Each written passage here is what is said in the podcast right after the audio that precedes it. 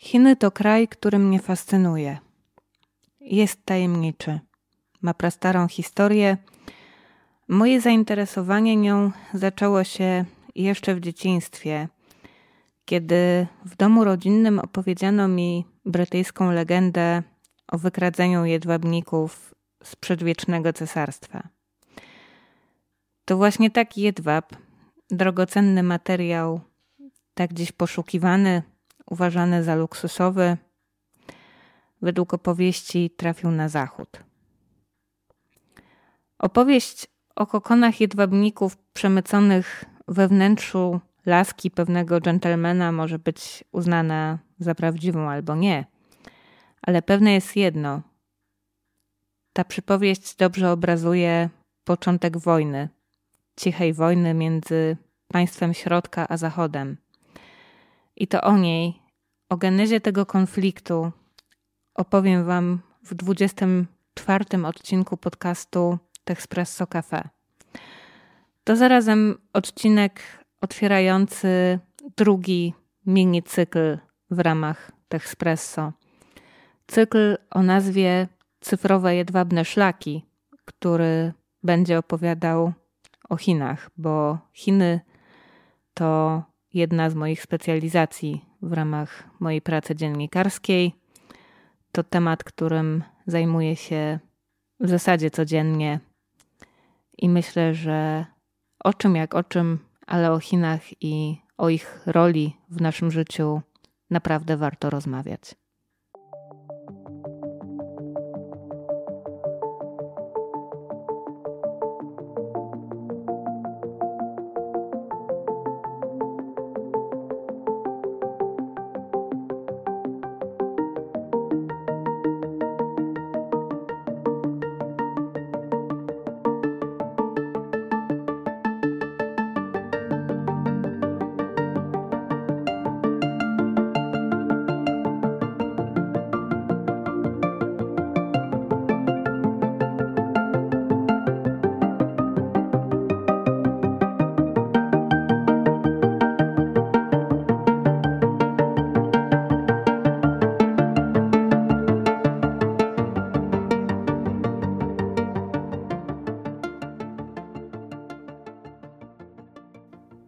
Dziś, kiedy myślimy o wojnie handlowej Chin z Zachodem, przede wszystkim robimy to przez pryzmat konfliktu pomiędzy Waszyngtonem a Pekinem.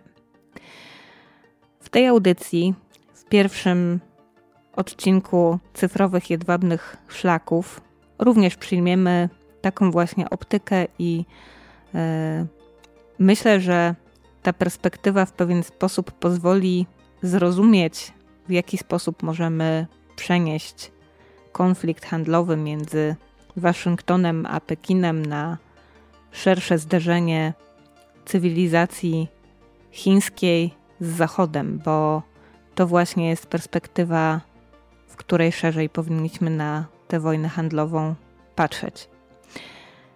Chiny to kraj, który będzie wywierał w kolejnych latach rosnący wpływ na rzeczywistość gospodarczą i polityczną, w której na co dzień funkcjonujemy. Wojna handlowa ze Stanami Zjednoczonymi może być tutaj zatem rozumiana dwojako, jako pewien symbol, ale też punkt wyjścia dla wszystkich kolejnych rozważań. I proszę przyjmijcie na potrzeby tego odcinka, ale i kolejnych w ramach tego cyklu dogodną dla siebie perspektywę i spróbujmy się wspólnie nad tym tematem pochylić. Konflikt handlowy, o którym dzisiaj rozmawiamy, obecnie jest uważany za największą tego typu wojnę we współczesnej historii. Rozpoczął się podczas kadencji byłego prezydenta USA Donalda Trumpa, oficjalnie w 2018 roku i obecnie w 2023, za chwilę będziemy mieli grudzień 2023 roku, nic nie wskazuje na to, żeby ta wojna miała się zakończyć. Wojna, która oczywiście nie spadła z nieba, bo jej zwiastuny były już widoczne dużo wcześniej. jednak y, miarka po stronie amerykańskiej przebrała się z dwóch przyczyn symbolicznie właśnie w tym roku. Pierwszą z tych przyczyn były nieuczciwe praktyki handlowe i gospodarcze po stronie Pekinu, a drugą rosnące uzależnienie Stanów Zjednoczonych od Chin, choćby w wymiarze technologicznym, które na poziomie amerykańskiej administracji zaczęto dostrzegać i postanowiono coś z tym po prostu zrobić. Zacznijmy jednak od samego początku. Oficjalne powody rozpoczęcia przez Stany Zjednoczone działań, które stały się punktem wyjścia dla wojny handlowej z Chinami, wcale nie pojawiły się w roku 2018 ani nawet rok czy dwa wcześniej. Te wspomniane już przeze mnie nieuczciwe zagrywki Pekinu na międzynarodowej arenie gospodarczej to zjawisko, które wówczas już obserwowano od dekad. Tak samo jak y, bardzo stara już była wtedy strategia uzależniania od siebie wielu mniejszych rynków i branż, na których Chiny budowały i nadal budują swoją potęgę. Dlaczego zatem ta wojna nie zaczęła się wcześniej, skoro Chińska Republika Ludowa robi to samo od co najmniej 30, jeżeli nie 40 lat? Przede wszystkim dlatego, że w tym czasie próbowano, jak to zwykle bywa w dyplomacji, innych rozwiązań. Stany Zjednoczone w pewnym momencie chciały, w cudzysłowie, wyciągnąć rękę do władz w Pekinie i zaprosiły Chiny do integracji w ramach systemu globalnej gospodarki. Przełożyło się to na taką tolerancję wobec licznych praktyk, które powinny zostać wcześniej w Chinach ukrócone. To jest też mechanizm, który nie jest niczym nowym. On towarzyszy układom politycznym od zarania dziejów i e, za każdym razem, kiedy mm, chcemy na coś przymknąć oko, e, to zazwyczaj stoi za tym jakiś e, większy cel. I, I takim celem właśnie była ta integracja Chin w ramach światowej gospodarki, na którą Stany Zjednoczone, ale też inne kraje Zachodu miały nadzieję. Okazało się, że ta strategia jest jednak dosyć kiepskim wyborem, bo nie uwzględniła tego, że dla Pekinu bardzo istotnym punktem realizacji planów politycznych jest rozwój gospodarczy. E, nie tylko rozumiany jako to, co się dzieje w granicach własnego państwa. Nie. Chiny to jest kraj, który mm, chce ambitnie, samodzielnie kształtować swoją strefę wpływów w rozumieniu nie tylko gospodarczym, ale i geopolitycznym. I gospodarka jest dla Pekinu jednym z absolutnie kluczowych narzędzi tego kształtowania strefy wpływów. W czasie, kiedy, jak już powiedziałam, Stany Zjednoczone na wiele rzeczy przymykały oko, Chiny pracowały. To jest jedna z rzeczy, które e, ten kraj potrafi robić naprawdę bardzo dobrze i śmiem twierdzić, że robi to dużo lepiej niż Zachód. E, o tym, dlaczego tak jest, e, będziemy jeszcze rozmawiać i chciałabym, żeby moje wartościowanie tutaj było przez Was rozumiane w odniesieniu tylko i wyłącznie do kontekstu gospodarki. E, bo mamy jeszcze kwestie praw człowieka, mamy kwestie demokratyczne, mamy całą politykę społeczną, ale chciałabym po prostu ograniczyć to rozumienie wartościowania pracy tylko i wyłącznie do efektywności gospodarczej tutaj. E, jak ta efektywność wyglądała, to e, pokrótce Wam przybliżę. W 2000 roku produkt, produkt krajowy brutto w Chinach wynosił zaledwie 10% tego, co produkt krajowy brutto w Stanach Zjednoczonych. E, I ogrom wykonanej przez Chiny pracy pokaże fakt, że w roku 2021 PKB Chin stanowiło już 78% PKB Stanów Zjednoczonych. To jest jednak wskaźnik, który nie daje pełnej miary tego, jaki postęp realnie dokonał się w Chinach. bo może go lepiej pokazać inny miernik, jakim jest parytet siły nabywczej. E, parytet siły nabywczej w państwie środka jest o 15% wyższy niż w USA. Dodatkowym problemem po stronie Stanów Zjednoczonych jest tutaj fakt, że kiedy chińska gospodarka przyspieszała, to ta amerykańska albo stała w miejscu, albo wręcz spowalniała swój bieg. I e, jakkolwiek jeszcze po II wojnie światowej udział Stanów Zjednoczonych w globalnej gospodarce wynosił niemal połowę, mówimy tutaj o pierwszych 10 latach po zakończeniu wojny, to dzisiaj dla kontrastu to jest jedynie około 1 szósta. I skoro powiedziałam już o parytecie siły nabywczej, to warto też wspomnieć o rzeczy tak odczuwalnej dla każdego człowieka, jak taki całkowicie potocznie rozumiany standard życia. Reformy rynkowe, które pozwoliły Chinom osiągnąć to wszystko, ruszyły tam około roku 1980. Stanom Zjednoczonym wydawało się wówczas, że to jest właśnie dobry czas, żeby spróbować nieco przeorientować Pekin na zachód i przyczynić się do tego, że razem z urynkowieniem centralnie sterowanej gospodarki Chin nastąpi tam również zwrot w stronę mm, demokracji rozumianej po amerykańsku. Właśnie na fali takich y, nadziei w 2001 roku zaproszono Chiny do Światowej Organizacji Handlu. Jak się później okazało, mm, miało się to jeszcze wszystkim, mówiąc brzydko, czknąć. Przede wszystkim dlatego, że członkostwo w WTO stało się dla chińskiej gospodarki kolejnym kołem zamachowym.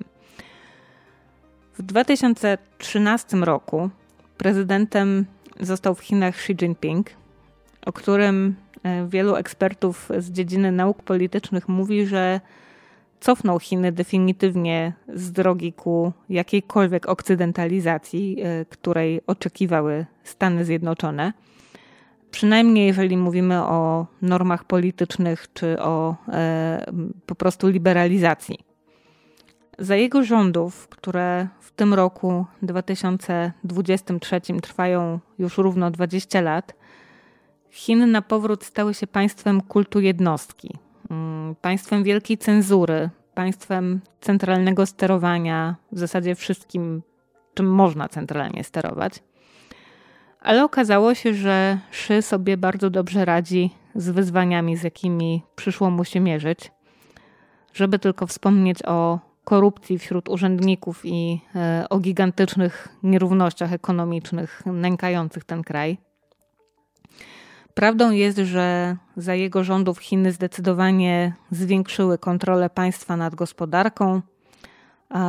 Ogrom odpowiedzialności nadzorczej przerzucono na ogromny, bardzo rozbudowany aparat urzędniczy e, i na delegatury resortów w różnych regionach kraju, bo to jest tak, że mamy tam ministerstwa, które mają e, swoje jakby mm, oddziały w poszczególnych prowincjach, podległe im urzędy, które są odpowiedzialne za wykonywanie decyzji centrali.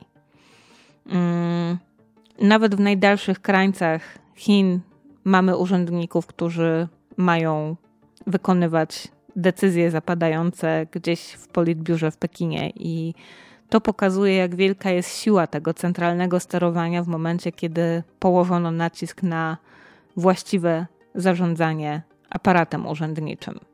Oczywiście aparat nie jest tak wydolny, jak to może wynikać y, z tego, co tutaj powiedziałam, bo aparat ma swoje problemy. E, dobrym przykładem tego, jakie mm, kłopoty go nękają, będą regulacje mm, dotyczące sfery cyfrowej. Będziemy sobie o tych regulacjach jeszcze dużo opowiadać, mm, niekoniecznie w tym odcinku i wówczas przyjdzie nam się mierzyć właśnie poniekąd z problemami dotykającymi aparatu państwa w Chinach. Wracając jednak do prezydentury Xi Jinpinga, mm, to jest ona przede wszystkim czasem wielkich programów mających stymulować rozwój gospodarczy. Na pewno słyszeliście o programach takich jak e, Made in China 2025, Na pewno mm, słyszeliście też o inicjatywie Pasa i Drogi. E, ostatni międzynarodowy szczyt tej ostatniej odbył się w październiku, to dosłownie kilka tygodni temu. I to, co warto wskazać w tym wypadku, to kierunek, jaki e, prezydent Xi Jinping w pełni świadomie wyznaczył Chinom. To się stało już dwa lata po objęciu przez niego władzy. I ten kierunek to jest rozwój gospodarki przede wszystkim przez nowe technologie. Nowe technologie, które Xi rozumie jako czynnik pozwalający Chinom na realizację ambitnej polityki kształtowania czegoś więcej niż rzeczywistość w ramach granic własnego państwa. Oba te programy, które wymieniłam, ukierunkowane są właśnie na to, żeby Chiny mogły budować swoją pozycję lidera w regionie i wpływać na kraje rozwijające się przez coraz większe ich uzależnienie, na przykład od dostaw sprzętu niezbędnego do budowy infrastruktury. W przypadku inicjatywy Pasa i Drogi e, można mówić wręcz o tym, że Chiny cementują dzięki temu programowi własną pozycję budowaną dzięki działalności gigantów takich jak choćby koncern Huawei, odgrywający kluczową rolę w modelu gospodarki w cudzysłowie kapitalistycznej, sterowanej centralnie. E, I model ten sprawdza się w Chinach absolutnie doskonale. Mówię to tutaj bez ironii. Do Huawei jeszcze wrócimy, bo mm, to jest firma, która jest w zasadzie mm, kluczową postacią, jeśli można tak powiedzieć, e, na arenie tej wojny handlowej. Mm, ale te ambicje Chin, o których powiedziałam dosłownie chwilę temu, i, i to w jaki sposób rozumie je prezydent Xi, to jest jedna z największych bolączek Stanów Zjednoczonych. Bardzo krótko po tym, jak Xi został prezydentem, e, Stany Zjednoczone zaczęły rozumieć, że marzenia o jakiejkolwiek liberalizacji politycznej chińskiej gospodarki należy sobie włożyć między bajki. Liberalizacja była swoją drogą wymogiem przy wejściu Chin w struktury Światowej Organizacji Handlu w 2001. E, szybko jednak się okazało, że Pekin nie ma absolutnie najmniejszego zamiaru wywiązywać się ze zobowiązań dotyczących liberalizacji, bo ani nie nastąpiło e, jakieś specjalne otwarcie chińskiego rynku na zagraniczne firmy. Mm, nadal ważnym elementem chińskiej gospodarki pozostaje protekcjonizm, rozumiany jako stawianie na pierwszym miejscu własnej produkcji. E, nie zaczęły się też wcale sypać e, subsydia dla e, działalności zagranicznych firm obecnych już na tym chińskim rynku w imię zacieśniania więzów gospodarczych. I jednym z takich w zasadzie najbardziej palących problemów, które wykwitły podczas obecności Chin w WTO, jest ich stosunek do własności intelektualnej. To jest delikatnie mówiąc bardzo specyficzny stosunek, bo E, Chiny mm, zdobywają dzisiaj przewagę na e, polu rozwoju nowych technologii e, głównie dzięki cyberszpiegostwu. Mm, cyberszpiegostwu, które Pekin uprawia na naprawdę bardzo szeroką skalę. Cyberszpiegostwu, które ukierunkowane jest przede wszystkim na wykradanie własności intelektualnej, na przykład patentów technologicznych, wyników badań naukowych E, tajemnic handlowych, czy też innych e, danych wartościowych z punktu widzenia gospodarki i nauki. I oczywiście samo cyberszpiegostwo jako takie to nie wyczerpuje tutaj tematu i to nie jest jedyny sposób, w jaki Pekin pozyskuje dostęp do tego rodzaju informacji, bo równie dużym problemem jest korupcja i, transferowanie wiedzy za granicę, na przykład przy pomocy badaczy chińskiego pochodzenia, którzy E, pracują gdzieś e, w międzynarodowych instytucjach, e, w zachodnich instytutach badawczych, którzy po prostu wykonują podwójną misję. Tak? I z jednej strony mamy chińskich naukowców pracujących w ramach normalnych zespołów badawczych, a, a z drugiej strony mamy ludzi, którzy po prostu pracują na rzecz własnego państwa, będąc de facto agentami wywiadu. I co chwila ze Stanów Zjednoczonych napływają doniesienia o tym, że e, kogoś właśnie skazano za transfery technologii, czy, czy, czy wykradanie patentów i przekazywanie ich Chinom. To są procesy, o których my za dużo nie wiemy, bo żeby się dowiedzieć, co dokładnie się działo, trzeba się przebijać przez absolutnie sążniste tomy akt procesowych i, i bardzo dużo tych rzeczy bywa też utajnianych, ale tego rodzaju orzeczenia, one są, ci ludzie są skazywani.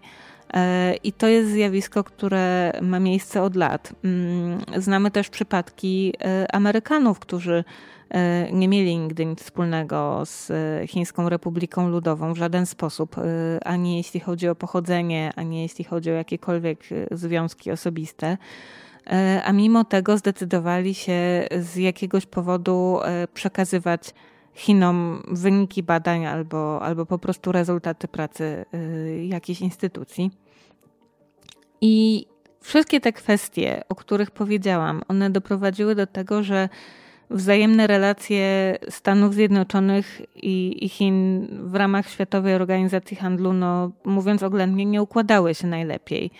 E, a właściwie to w pewnym momencie się całkowicie e, zasypały. I osobą, która postanowiła otwarcie rzucić Pekinowi wyzwanie był, tak jak już powiedziałam wcześniej, Donald Trump. Oczywiście sam fakt tego, że za prezydentury Trumpa rozpoczęła się formalnie wojna handlowa, to można interpretować wielorako, bo e, najczęściej e, wychodzimy w dyskusjach o Trumpie z punktu krytyki e, jego prezydentury i w takim wypadku możemy oczywiście mieć do niego żal za rozpoczęcie tego największego otwartego konfliktu handlowego, ale tak jak powiedziałam już wcześniej, co starałam się Wam y, w jakiś sposób zobrazować, wojna handlowa z Pekinem nie spadła z nieba. Wiemy, że administracja Trumpa próbowała wielokrotnie rozwiązywać piętrzące się trudności w dialogu z Pekinem na drodze dyplomatycznej. Wiemy też, że Pekin robił wszystko, żeby na drodze dyplomatycznej niczego się nie dało rozwiązać. I dlatego w 2018 roku Biały Dom ostatecznie zdecydował się na nałożenie ceł, które stały się de facto początkiem tej właściwej wojny handlowej między obiema potęgami. W czerwcu 2018 roku nałożone zostały cła, które wcale nie były małe, bo E, to były cła 25%, które objęły import chińskich towarów do Stanów Zjednoczonych wart 34 miliardy dolarów. To jest kolosalna kwota. Chiny nie pozostały dłużne. Bardzo szybko odpowiedziały na te cła, nakładając również 25% cło na e, dokładnie 545 towarów importowanych ze Stanów Zjednoczonych. I to jest początek takiej przepychanki celnej pomiędzy oboma krajami, która mm, zaliczyła bardziej bym powiedziała pokaźne y, potyczki w sierpniu i, wrześniu 2018 roku. E, tutaj Stany Zjednoczone i Chiny postępowały wet za wet y, aż do 2020 roku, kiedy e, właściwie tuż przed wybuchem globalnej pandemii koronawirusa podpisano taką umowę, w pewnym sensie stanowiącą zawieszenie broni pomiędzy obiema stronami. Ta umowa objęła zgodę Pekinu na import towarów z USA o całkowitej wartości i w wymiarze przekraczającym wartość tego importu z 2017 roku o nie więcej niż 200 miliardów dolarów. Realizacja tej obietnicy miała być rozłożona na kolejne dwa lata i to miała być też taka pierwsza część y, odmrażania stosunków y, pomiędzy oboma krajami. Szybko się jednak okazało, że Chiny absolutnie się nie wywiązują z tego, co obiecały. Przynajmniej amerykański rząd y, nie był z tego zadowolony, bo w 2021 roku w sierpniu import towarów do Chin z USA wyniósł jedynie 62% umówionej przez obie strony kwoty. Deficyt handlowy, który e, osiągnęły wtedy Stany Zjednoczone w stosunku do Chin, osiągnął astronomiczny całkowicie wymiar 355 miliardów dolarów, a eksport z Chin do Stanów Zjednoczonych do sierpnia 2021 urósł sobie o 36,9%.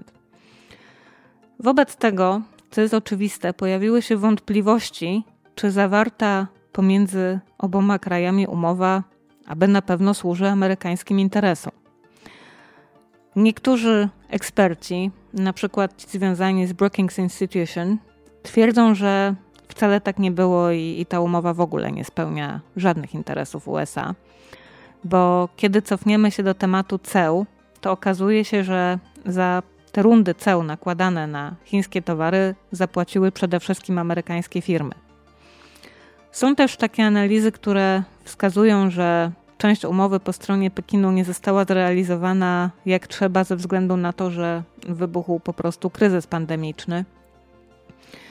I co o tym e, należy sądzić, to może nam podpowiedzieć zmiana, jaka zaszła w amerykańskiej polityce względem wojny handlowej po tym, jak prezydentem Stanów Zjednoczonych został Joe Biden. Joe Biden, który wygrał wybory prezydenckie z Trumpem w 2020 roku. Wiele głosów y, wtedy prognozowało, że nowy lokator Białego Domu może chcieć w ogóle się wycofać z polityki poprzednika i przyglądano się bardzo uważnie temu, jak y, będzie się kształtowała polityka Bidena względem Chin. Szybko okazało się, że Biden wcale nie zrezygnował z wojny handlowej, a jedynie skierował ją na nieco inne tory. Myślę, że dla tej nowej administracji kluczowym aspektem w myśleniu o wojnie handlowej z Pekinem stała się efektywność podejmowanych działań, bo polityka poprzednika pokazała, że Pekin jest jakby całkowicie odporny na działania takie jak cła. To po prostu spływa tam jak po kaczce i w ogóle nie ma żadnego efektu. A Biden przekierował środki na decyzje, których celem jest ochrona amerykańskiego interesu. Nie tyle obkładanie cłami chińskich firm, co jest nieefektywne, tylko po prostu działanie protekcjonistyczne względem własnej gospodarki. I tutaj nie bez znaczenia są aspekty towarzyszące dyskusji o militaryzacji nowych technologii, które ciągną się jeszcze od prezydentury Trumpa. Mm, Biden zrozumiał najwyraźniej to, o czym już mówiłam w tym odcinku wcześniej, że jeżeli chodzi o Chiny, to one mm, nie mają jakby tylko jednego celu, tak, którym jest dominacja gospodarcza, ale to, że mm, gospodarka i różne jej aspekty są przez Pekin traktowane e, po prostu jako metoda nie tyle uprawiania polityki, co rozbudowywania swojej sfery wpływów i, i definiowania na nowo międzynarodowego układu sił, bo to jest właśnie to, co Chiny robią. E, jeżeli były wobec tego tematu jakiekolwiek wątpliwości, no to wspomniana już pandemia pomogła je definitywnie rozwiać. Pandemia pokazała skalę uwiązania licznych gospodarek na smyczy Chin. Licznych gospodarek, bo w pewnym momencie, e, kiedy stanęła produkcja w Chinach, okazało się, że e, stanęły łańcuchy dostaw. E, okazało się, że wzmocnienie alternatywnych łańcuchów dostaw, jeszcze częściej w zasadzie stworzenie ich od zera, to jest taka całkowicie zasadnicza kwestia Podobnie jak zmapowanie tego, które gałęzie gospodarki są mm, języczkiem uwagi, jeśli chodzi o, o Chiny i o ich możliwości. Jak nie trudno się domyśleć, bardzo szybko okazało się, że najważniejsze są nowe technologie i mm, działania Bidena dotyczące sankcji, one obecnie są głównie ukierunkowane na to, żeby właśnie powstrzymać rozwój technologiczny Chin i ochronić własną gospodarkę pod tym względem. O tym, że te nowe technologie są istotne, wiedział już Trump. Wiedziała też y, administracja Baracka Obamy. Zaraz wytłumaczę, mm, jak to się stało i skąd to się wzięło. Trump słusznie rozumował, że mm, to właśnie to, co się dzieje na polu rozwoju nowych technologii, będzie wpływać na bezpieczeństwo Stanów Zjednoczonych, rozumiane bardzo wielorako, wieloaspektowo. W maju 2019 roku na tak zwaną czarną listę amerykańskiego Ministerstwa Handlu trafił gigant telekomunikacyjny, zarazem wspomniany już narodowy czempion Chińskiej Republiki Ludowej, czyli koncern Huawei. W Polsce go kojarzymy przede wszystkim jako producenta dostępnych cenowo smartfonów, które mm, osobom kupującym je pozwalały korzystać z licznych barierów, takich jak na przykład sztuczna inteligencja w, oprogramu, w oprogramowaniu aparatu fotograficznego. Mm, na biednym polskim rynku Huawei zaoferował w zasadzie masowemu klientowi to, co wcześniej wiązało się z ogromną finansową barierą wejścia i na tym polegał jego sukces na tym rynku, ale też w innych krajach regionu, bo po prostu e, w Europie Środkowej i Wschodniej Huawei e, naprawdę wstrzelił się w dziesiątkę i w innych krajach rozwijających się, gdzie mm, każdy chce mieć nowy telefon i ten telefon e, czasami jest oznaką statusu, czasami też jest e, podstawowym narzędziem dostępu do internetu. E, to po prostu okazało się, że ta firma naprawdę rozbiła bank. Mm, na świecie Huawei to jest jednak przede wszystkim producent sprzętu telekomunikacyjnego. I sprzęt ten stanowi szkielet sieci zapewniających dostęp do łączności komórkowej drugiej, trzeciej, czwartej generacji. To jest tutaj problem E, który jeszcze zaowocuje nam e, ciekawymi wydarzeniami. Decyzja administracji Trumpa o wpisaniu Huawei na czarną listę była uzasadniona obawami o bezpieczeństwo narodowe. E, zdaniem amerykańskiej administracji, w przypadku prac nad nową generacją sieci mających obsługiwać połączenia komórkowe, czyli 5G, chiński sprzęt, który zostanie wykorzystany do budowy mm, tej infrastruktury, może stanowić e, ryzyko z punktu widzenia wywiadowczego, bo może pozwolić Pekinowi na wykorzystanie go do celów szpiegowskich.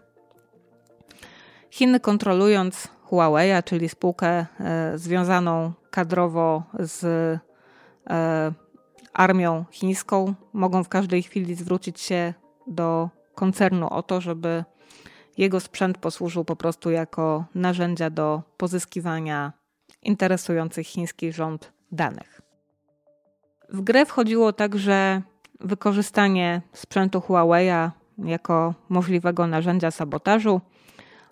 To jest motyw, który przewinął się po raz ostatni e, w tym roku, w 2023, e, za sprawą uwag wywiadu niemieckiego, który tak uważa.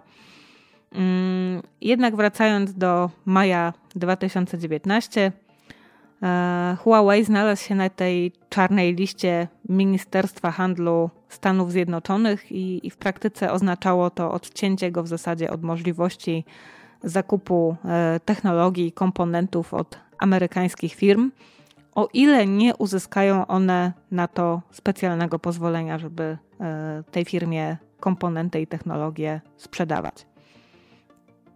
Takim widocznym z punktu widzenia zwykłego konsumenta skutkiem tamtej decyzji jest to, że nowe telefony Huawei już nie mają systemu Android, tylko działają w oparciu o system Harmony OS, który gigant opracował po tym, jak e, postanowił w pewien sposób skapitalizować to odcięcie go od e, możliwości korzystania z usług Google na produkowanych do mm, tamtej pory telefonach e, z Androidem. Było oczywiste, że odcięcie od Google'a na smartfonach de facto czyni je kompletnie bezużytecznymi, mimo że e, Huawei w teorii nie musiał wcale z Androida rezygnować, bo Android jest otwartoźródłowy, to mimo wszystko postanowił wykorzystać je do tego, żeby mm, w pewien sposób domknąć cykl swoich produktów i e, stworzyć oddzielny, konkurencyjny ekosystem. Razem z decyzją o wpisaniu Huawei na tę czarną listę zapadła wówczas jeszcze jedna ważna decyzja. To było mm, rozporządzenie wykonawcze prezydenta Donalda Trumpa, które zakazywało użycia sprzętu telekomunikacyjnego produkowanego przez chińskie firmy E, z tytułu zagrożenia dla bezpieczeństwa narodowego. Nigdzie przy tym wprost nie padło stwierdzenie, że chodzi o chińskie firmy, ale sprawa wydaje się oczywista. Celem decyzji był Huawei i mm, firma, którą niektórzy słuchacze i słuchaczki być może pamiętają, bo kiedyś produkowała e, również atrakcyjne cenowo telefony, firma ZTE. Stany Zjednoczone rozpoczęły krótko po tym rozporządzeniu wykonawczym mm, taką bardzo intensywną kampanię przekonywania swoich sojuszników z całego świata do tego, żeby się ustawiły do Huawei'a podobnie. Chodziło oczywiście o wykluczenie tej firmy z budowy sieci 5G, a konflikt wokół Huawei'a wyeskalował dokładnie wówczas, kiedy oba kraje, w zasadzie zarówno Chiny, jak i USA, w tej trwającej od roku wojnie handlowej, e, skoncentrowanej na wzajemnym okładaniu się cłami, znalazły się w strasznym klinczu. Okazało się zatem, że sprawa koncernu jest absolutnie kluczowa, żeby móc dalej tę wojnę rozgrywać i co więcej robić to na swoją korzyść. I jak bardzo ta argumentacja jest złożona, przekonamy się, jeżeli prześledzimy e, Ministerstwo Sprawiedliwości, które wydało stanowisko e, niejako stanowiące kanwę dla decyzji resortu handlu. Znajdziemy tam jeszcze jeden wątek, mm, który pojawi się, e, inny niż bezpieczeństwo narodowe rozumiane poprzez pryzmat szpiegostwa. Otóż resort sprawiedliwości uznał, że Huawei nielegalnie świadczył usługi Iranowi. Iranowi, który jest y, od dawna państwem objętym przez y, międzynarodowe sankcje, oczywiście w tym sankcje amerykańskie. I tym samym chiński gigant, y, świadcząc Iranowi usługi poprzez pośrednika zależnego od siebie, złamał obowiązujące w USA prawo nie tylko naruszając tutaj reżim sankcyjny, ale też podejmując działania wprost sprzeczne z interesem bezpieczeństwa narodowego rozumianego przez pryzmat polityki zagranicznej USA. Podobne oskarżenia amerykańska administracja wcześniej wysunęła już wobec y, wspomnianej przeze mnie firmy ZTE, też produkującej sprzęt telekomunikacyjny. Jak to się stało, że chińskie firmy z sektora sprzętu telekomunikacyjnego stały się kluczowe dla wojny handlowej Waszyngtonu i Pekinu. Głównie przez to, że miały bardzo szeroki zasięg oddziaływania. Istotą problemu jest to, że Chiny postrzegają potęgę swoich firm jako coś, co jest celem nie tylko gospodarczym, ale jak już wspominałam, politycznym. W 2018 roku czyli rok przed tymi sankcjami e, na Huawei'a, firma ta wybiła się na pozycję drugiego pod względem wielkości sprzedawcy smartfonów na świecie. Numerem jeden był południowo-koreański Samsung, którego Huawei co prawda nie przegonił, ale za to wysadził z siodła cieszącego się drugim miejscem na podium producenta iPhone'ów, czyli firmę Apple. Nic dziwnego, że to wzbudziło w Stanach Zjednoczonych oczywisty niepokój, szczególnie jeśli się przyjrzymy historii chińskiego giganta. W tym miejscu chciałam zrobić jednak mały przypis, bo Huawei to jest firma, która, mm, jak już mówiłam, na polskim rynku cieszyła się wielką popularnością, jeśli chodzi o telefony. E, niejednokrotnie uczestniczyłam w konferencjach prasowych, gdzie prezentowała wyniki sprzedaży na polskim rynku. E, I to jest też firma, która bardzo chętnie współpracowała z wieloma polskimi redakcjami, finansując ich istnienie przez kontrakty na treści sponsorowane. To jest także koncern, który e, zabierał licznych dziennikarzy na atrakcyjne wyjazdy do Chin. Bardzo często wracali oni z nich wyposażeni w najnowsze modele telefonów, smartwatchy, różnych innych gadżetów, które ta firma produkuje.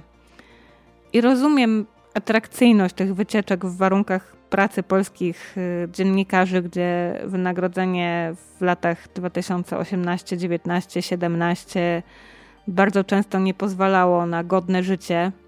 Rozumiem też y, zobowiązania wynikające ze stosunku pracy w ramach redakcji, gdzie dziennikarz dostaje po prostu polecenie wyjazdu na taki wyjazd y, ze sponsorem, tudzież tak zwanym mecenasem w ramach zakontraktowanych świadczeń marketingowych, y, które redakcja realizuje. Ale jedno, czego mi szkoda, to tego, że w tych czasach, w których Huawei poświęcał bardzo dużo uwagi polskiemu rynkowi i polskim mediom z branży technologicznej, to to, że nie istniało wtedy jeszcze dobrze egzekwowane i restrykcyjne prawo zobowiązujące redakcję do jasnego i rzetelnego informowania o tym, które materiały to są świadczenia w ramach marketingu, a które to jest dziennikarstwo. Kwestie tego, czy dziennikarstwo okraszone prezentami od marek to dziennikarstwo rzetelne, pozwolę sobie pozostawić ocenie słuchaczy i słuchaczek. Wracając do Huawei'a, to firma powstała w 1987 roku w Shenzhen. E, jej założyciel, czyli Ren Zhengfei, to wciąż jej prezes, mimo że urodził się w 1944 roku. E, to również człowiek, który w przeszłości był oficerem w chińskiej armii ludowo-wyzwoleńczej i jest to człowiek z wielkimi stosunkami w chińskiej administracji i w chińskim wojsku. Taka szersza ekspansja Huawei'a zaczęła się w latach 90., kiedy spółka zaczęła produkować sprzęt telekomunikacyjny wykorzystywany do budowy sieci łączności zarówno w Chinach, jak i w innych krajach regionu. To właśnie kraje Azji pozwoliły Huawei'owi silnie stanąć na nogach i myśleć o innych rynkach, gdzie, jak się okazało, tani sprzęt telekomunikacyjny również stał się obiektem wielkiego zainteresowania. W 2018 roku firma informowała o przychodach plasujących się na poziomie 104 miliardów dolarów. Jej działalność to oprócz y, produkcji tego sprzętu telekomunikacyjnego i telefonów komórkowych, o czym już mówiłam, obejmowała też y, inne produkty dla sektora IT, urządzenia internetu rzeczy, usługi chmury obliczeniowej i chipy. Pierwsze oskarżenia Huawei'a o szpiegostwo i możliwe realizowanie działań wywiadowczych dla rządu w Pekinie pojawiły się na długo przed wpisaniem tej firmy na czarną listę resortu handlu. To był 2012 rok. Amerykański magazyn Forbes pisał wtedy, że doszło do tego przez bardzo dziwną rzecz, która miała miejsce rok wcześniej.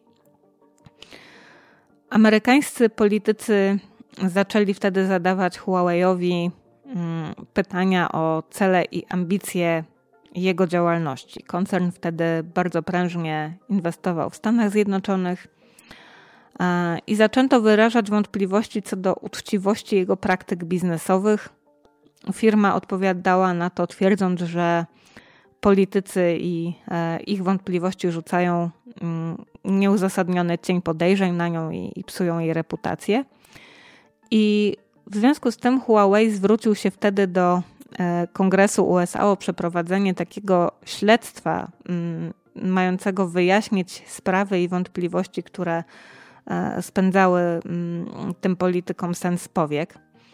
Mm, okazało się jednak, że ten audyt, który y, przeprowadzili Amerykanie, nie wyszedł wcale tak, jak sobie tego Chińczycy życzyli. Senacka Komisja do Spraw y, Wywiadowczych stwierdziła wtedy, że ani Huawei, ani ZTE, bo ten audyt też objął częściowo ZTE, nie są firmami godnymi zaufania, mm, a ich sprzęt nie powinien się znajdować w amerykańskich sieciach obejmujących ani łączność telefoniczną, ani łączność z przesyłem danych, bo stanowi zagrożenie dla bezpieczeństwa narodowego. E, audyt przeprowadzono mm, częściowo na podstawie danych niejawnych, część z kolei była jawna. E, komisja stwierdziła, że zagrożenie ogniskuje się wokół mm, kwestii wpływu obcych państw na te firmy. No, zgadnijmy, o jakie obce państwa może chodzić w przypadku chińskich firm, oczywiście. Ta sama komisja, która mm, ostrzegła przed y, możliwym zagrożeniem dla bezpieczeństwa w roku 2012, ponowiła niejako to swoje ostrzeżenie w 2018. Dodała wtedy, że mm, sprzęt produkowany przez obie firmy może zawierać e, tak zwane tylne furtki, które umożliwiają chińskim służbom wykorzystywanie go do celów szpiegowskich. To, co jest tutaj istotne, to fakt, że nigdy, nigdzie nie znaleziono technicznych dowodów na istnienie tych tylnych furtek.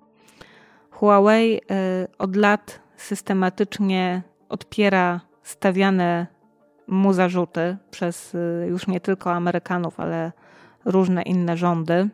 Jakoby sprzęty produkowane przez y, koncern zawierały jakiekolwiek backdory.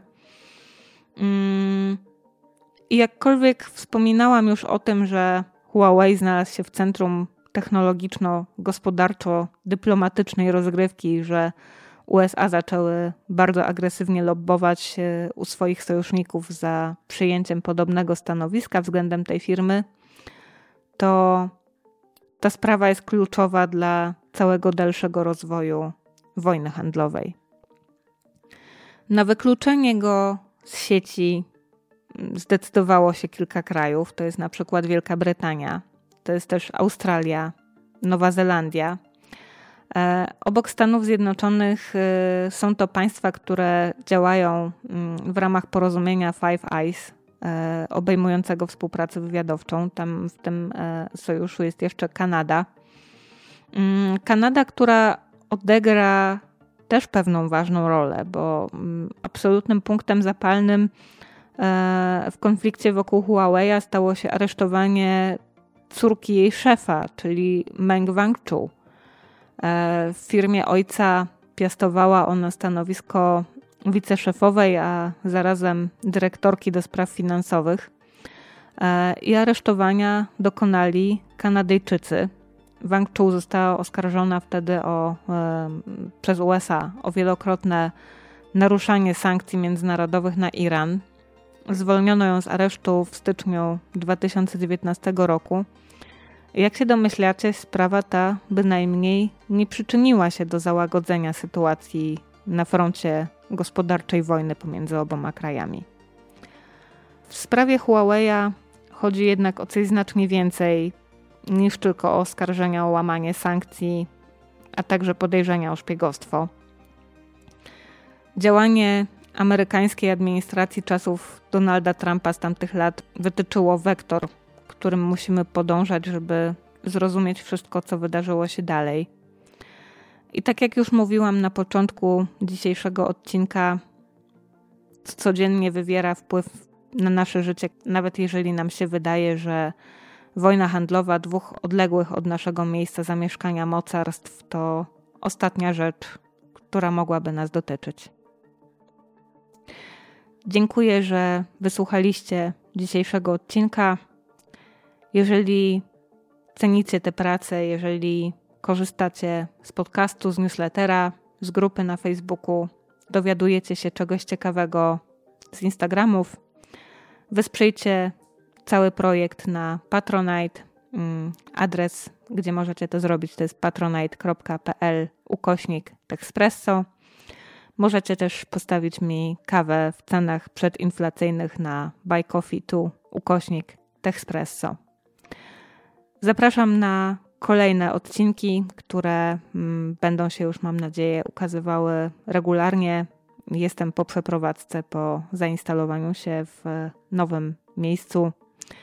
Mam tutaj lepsze warunki do pracy mm, i mam też całą listę tematów, która powinna być już realizowana dużo wcześniej, ale mam nadzieję, że są to treści na tyle uniwersalne, że czas nie gra roli. Dziękuję serdecznie. Do usłyszenia kolejnym razem.